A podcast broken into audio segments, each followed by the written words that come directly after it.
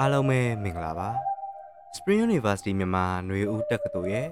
podcast စီစဉ်ရနေပြီးတော့ပြန်လည်ကြိုဆိုလိုက်ပါတယ်ဒီ podcast ကိုတော့ကျွန်တော်ဆိုင်ရင်က host လုပ်နေရဖြစ်ပါတယ်ကျွန်တော်တို့ဒီနေ့ဆက်လက်တင်ဆက်ပေးသွားမယ့် episode ကတော့ Resilience in Conflicted Area Series ရဲ့တတိယ episode ဖြစ်တဲ့အင်ဒိုနီးရှားကလက်ဝဲကြောက်ယောဂါဆိုတဲ့ episode ပဲဖြစ်ပါတယ်ကျွန်တော်တို့ဒီ episode မှာဆွေးနွေးတင်ဆက်ပေးသွားမယ့်အကြောင်းအရာတွေကတော့ဒီအင်ဒိုနီးရှားမှာဖြစ်ခဲ့တဲ့ အစုလိုက်အပြုံလိုက်တပ်ဖြတ်မှုတွေဘလို့အာဘာကြောင့်ဖြစ်ပွားခဲ့လဲဘလို့ဖြစ်ပွားခဲ့လဲဘသူတွေပြစ်မှတ်ထားခြင်းခံခဲ့ရလဲပြီးတော့အစုလိုက်အပြုံလိုက်တပ်ဖြတ်ခြင်းအကြောင်းပြီးတော့ပြည်သူလူထုရဲ့အမြင်အရဘလို့ရှိခဲ့လဲပြီးတော့ဒီအစုလိုက်ပြုံလိုက်တပ်ဖြတ်မှုကြီးဘလို့ပြီးဆုံးသွားခဲ့လဲကျွန်တော်တို့ဒီအကြောင်းအရာတွေကိုလေ့လာဆွေးနွေးသွားမှာဖြစ်ပါတယ်အားလုံးပဲနားတော့တာဆင်ပေးကြပါခင်ဗျာအဲ့တော့ ကျွန်တော်တို့ပထမဦးဆုံးဆွေးနွေးတင်ဆက်ပေးသွားမယ့်အကြောင်းအရာကတော့အင်ဒိုနီးရှားကအစုလိုက်အပြုံလိုက်တပ်ဖြတ်မှုတွေဘာကြောင့်ဖြစ်ပွားခဲ့လဲဒီအင်ဒိုနီးရှားမှာအဲဒီအင်ဒိုနီးရှားဖြစ်တဲ့အစုလိုက်အပြုံလိုက်ဖြစ်ပွားခဲ့တဲ့အစုလိုက်ပြုံလိုက်တပ်ဖြတ်မှုတွေဆိုတာက1965နဲ့1966ဆိုတော့တနှစ်တာကာလအတွင်းမှာဖြစ်ပွားခဲ့တဲ့ကွန်မြူနစ်ပါတီကိုဖိနှိပ်ခဲ့တဲ့ဖြစ်ရတစ်ခုပဲပေါ့နော်ဖြစ်ရတစ်ခုပဲဒီဖြစ်ရအတွင်းမှာအာ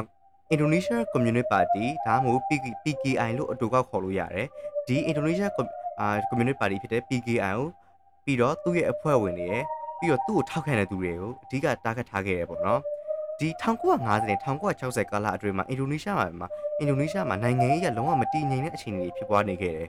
နိုင်ငံကလည်းနယ်သာလန်စီနယ်သာလန်ဒက်ရှ်တွေစီကနေပြီးတော့လွတ်လပ်ရေးရကစားပြီးတော့သူကဒီတည်ငြိမ်တဲ့ဒီမိုကရေစီစနစ်ကိုစာပြီးတူထားမှုကြိုးပမ်းနေစားအချိန်ကာလဖြစ်တယ် အာအဲ့ဒီအချိန်မှာဒီ PKI အင်ဒိုနီးရှားကွန်မြူနစ်ပါတီကဆိုဗီယက်မှာရှိတဲ့ကွန်မြူနစ်ပါတီရဲ့တရုတ်မှာရှိတဲ့ကွန်မြူနစ်ပါတီရဲ့ပြီးရင်နောက်ထပ်အကြီးဆုံးတတိယမြောက်ကမ္ဘာမှာအကြီးဆုံးကွန်မြူနစ်ပါတီဖြစ်နေတယ်။အဲ့ကွန်မြူနစ်ပါတီကလည်းဒီနိုင်ငံအတွင်းမှာအဓိကနိုင်ငံအင်အားစုတစ်ခုဖြစ်နေရပေါ့နော်။ဒီကွန်မြူနစ်ပါတီကဘယ်သူတွေကြားမှာရေပန်းစားလဲဆိုရင်လေသမားတွေပြီးတော့အလုပ်သမားတွေကြားထဲမှာတော်တော်ရေပန်းစားရပေါ့နော်။ပြီးတော့ဒီအလုပ်သမားလှုပ်ရှားမှုတွေလေသမားလှုပ်ရှားမှုတွေကွန်မြူနစ်ပါတီကအဓိကဦးဆောင်မှုပြီးတဲ့တိုင်အခန်းကဏ္ဍတွေပါဝင်ခဲ့ရပေါ့နော်။ဟုတ်ပြီ။ ဒါဆိုဒီအစုလိုက်ပြောလိုက်တက်ချက်မှုဒီ community ကိုပေါ့နော်ဒီ community အင်ဒိုနီးရှား community ကိုပြစ်မှတ်ထားတဲ့အစုလိုက်ပြောလိုက်တက်ဖြတ်မှုတွေဘာကြောင့်ဖြစ်ပွားခဲ့လဲ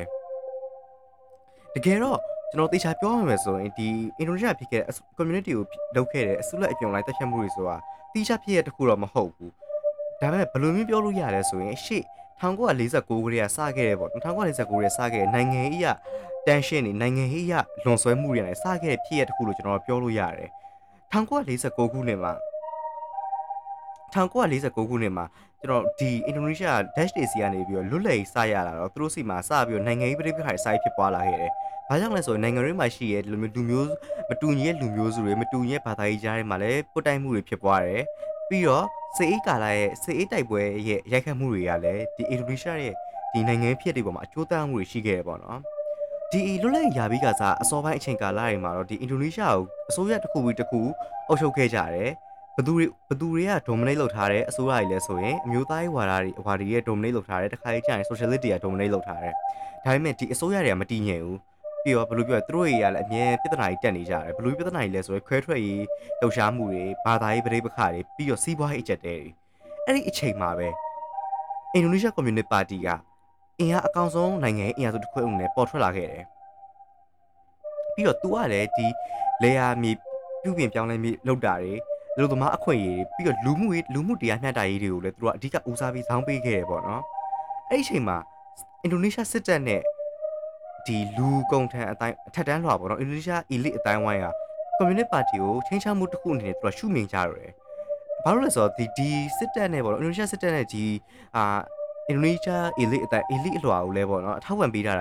ကြောထောက်နောက်ခံပေးတာက American United States ပေါ့နော်သူတို့ကတခါကျဒီအင်ဒိုနီးရှားရဲ့အစိုးရအင်ဒိုနီးရှားအစိုးရကိုအင်ဒိုနီးရှားအစိုးရကိုဒီစေးတိုက်ပွဲ viewer မြောက်တစ်ခုအနေနဲ့စေးစေးအရာရောစီးပွားရေးရောထောက်ပံ့မှုတွေပေးကြရပေါ့နော်အဲ့တော့လေဒီ American က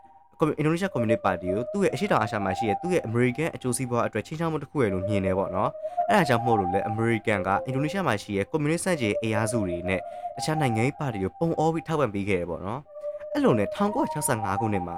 ဘိုလ်ချုပ်ဆိုကအင်ဒိုနီးရှားစစ်တပ်ကစစ်တပ်ကဘိုလ်ချုပ်စုဟာတိုဆိုရက်အရာရှိတူနဲ့ချာသူ့ရဲ့အတိုင်းဝိုင်းပေါ့နော်ဒီလက်ဒီအရာရှိအုပ်စုတစုပေါ့နော်သူကစပြီးအာနာသိမ့်မှုစပြီးစူးစမ်းတယ်ဒါပေမဲ့ မအောင်မြင်ဘူးအဲ့ချိန်မှာပဲစစ်တပ်ကတံပြန်ပြီးအာဏာသိမ်းလိုက်တယ်အမဖြစ်တဲ့တစ်ခုကဘာလဲဆိုတော့ပေါ့နော်ဒီဒီဘာလို့ဒီအာနာမသိန်းရင်ဖြစ်သွားခဲ့တဲ့ဖြစ်တဲ့တစ်ခုကဘာလဲဆိုရင်1965ခုနှစ်စက်တင်ဘာ30ရက်နေ့ညတုန်းကအင်ဒိုနီးရှားစစ်တပ်အရာရှိ6ယောက်ကလုံခြံတပ်ဖြတ်ခြင်းခံလိုက်ရတယ်။အဲ့လုံခြံတပ်ဖြတ်မှုအတွက်ဟိုအဓိကအင်ဒိုနီးရှားစစ်တပ်ကဘသူ့အပြစ်လဲဆိုတော့ကွန်မြူနစ်ပါတီကိုအပြစ်တင်တယ်။အဲ့ဒါနဲ့ပဲသူတို့ကအာဏာသိမ်းမှုအတွက်အကြောင်းပြချက်တစ်ခုပေးပြီးတော့အာဏာသိမ်းလိုက်တယ်။ အဲ့ဒါနဲ့ပဲဒီသူတို့ဒီအင်ဒိုနီးရှားစစ်တပ်ကအာဏာသိမ်းပြီးနောက်ပိုင်းမှာပဲနိုင်ငံတွင်းမှာရှိတဲ့ကွန်မြူနစ်တွေကိုပြစ်မှတ်အင်ဒိုနီးရှားကွန်မြူနစ်တွေကိုပြစ်မှတ်ထားတဲ့သွေးထွက်တန်မှုတွေနိုင်ငံရေးအကြမ်းဖက်မှုတွေကိုစပြီးတော့လှုံ့ဆော်လာခဲ့တော့တာပဲ။ Okay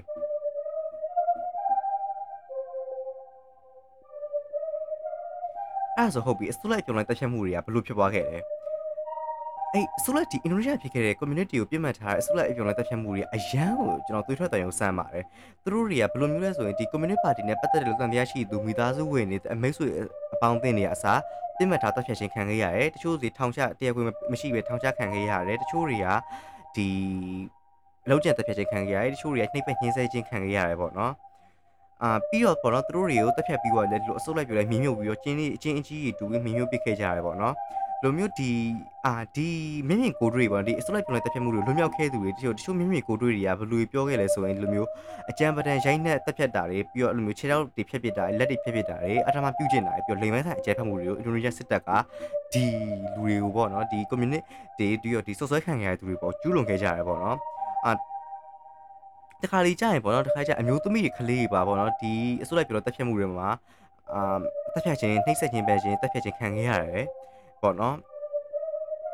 အခုထိရောပေါ့နော်အခုထိရောဒီကျွန်တော်တို့ဒီအစိုးရပြောတော့တက်ဖြတ်မှုတွေမှာလူဘယ်နှယောက်တိတ်ဆုံးခဲ့ရလဲပေါ့နော်ကျွန်တော်အခုဒီ data အတိအကျမသိခဲ့ရဘူးမသိရသေးဘူးပေါ့နော်ဒါပေမဲ့မှန်းချီအရာဆိုရင်ပေါ့နော်ကျွန်တော်တို့ဒီခံမှန်းချီအရာဆိုရင်ကျွန်တော်လူရောက်9000နဲ့တသိန်းလောက်ဒီအစိုးရပြောတော့တက်ဖြတ်ခြင်းခံခဲ့ရတယ်ဒါကလည်းဆရာစုအတွင်းမှာပေါ့နော်ဒီလူမျိုးတို့တက်ဖြတ်မှုမဟုတ်ဘဲနဲ့အစိုးရပြောလိုက်တက်ဖြတ်မှုတွေမှာအကြီးမားဆုံးဖြစ်ရတစ်ခုပဲပေါ့နော်ဟုတ်ပြီအဲ့ဒါဆိုရင်လူတို့ရဲ့အမြင်ကရောဘယ်လိုရှိလဲ အဲ့တော့ဒီလူတို့ရဲ့အမြင်ကလည်းပေါ့နော်ဘယ်လိုရှိလဲဆိုတော့အိတ်တော့ကပေါ့နော်အစိုးရနဲ့စစ်တပ်ရဲ့ဝါဒဖြန့်မှုတွေကြားမှာလူတို့ရဲ့နှမျောနှမျောခဲ့တယ်ပေါ့နော်အာတချို့သတင်းစာတွေတချို့မီဒီယာတွေကဒါတွေကို speaker လုပ်ဖို့စူးစမ်းခဲ့တယ်ဒါပေမဲ့အရာမထင်ခဲ့ဘူး speaker လုပ်ဖို့စူးစမ်းခဲ့တဲ့မီဒီယာတွေကိုလည်းအစိုးရနဲ့စစ်တပ်ကပြပြထထန်အောင်ဖိနှိပ်ခဲ့တယ်ပေါ့နော်ဖြစ်ဒါဒါတွေကြောင့်ပေါ့နော်အစိုးရဝါဒဖြန့်မှုတွေမီဒီယာတွေပေါ်သတင်း channel journalist တွေပေါ့ဖိနှိပ်မှုတွေကြောင့်လဲပေါ့နော်ကျွန်တော်တို့ဒီအဲ့ချိန်လုံးကပေါ့နော်အင်ဒိုနီးရှားပြည်သူတွေရဲ့အတွေ့အမြင်ပေါ့နော်ဒီအစိုးရပြည်တက်ဖြစ်တဲ့အတွေ့အမြင်တွေကိုခံ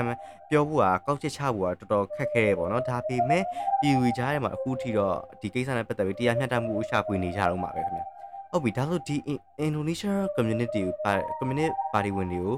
ပြစ်မှတ်ထားခဲ့တဲ့အစိုးရပြည်တက်မှုတွေကဘယ်လိုပြီးသွားခဲ့လဲကျွန်တော်1960နောက်ပိုင်းကာလတွေမှာဒီ communist party ဝင်တော်တော်များများက အဖိနှိပ်ခံခဲ့ရတယ်တက်ဖြတ်ခြင်းခံခဲ့ရပြီးနောက်ပိုင်းမှာ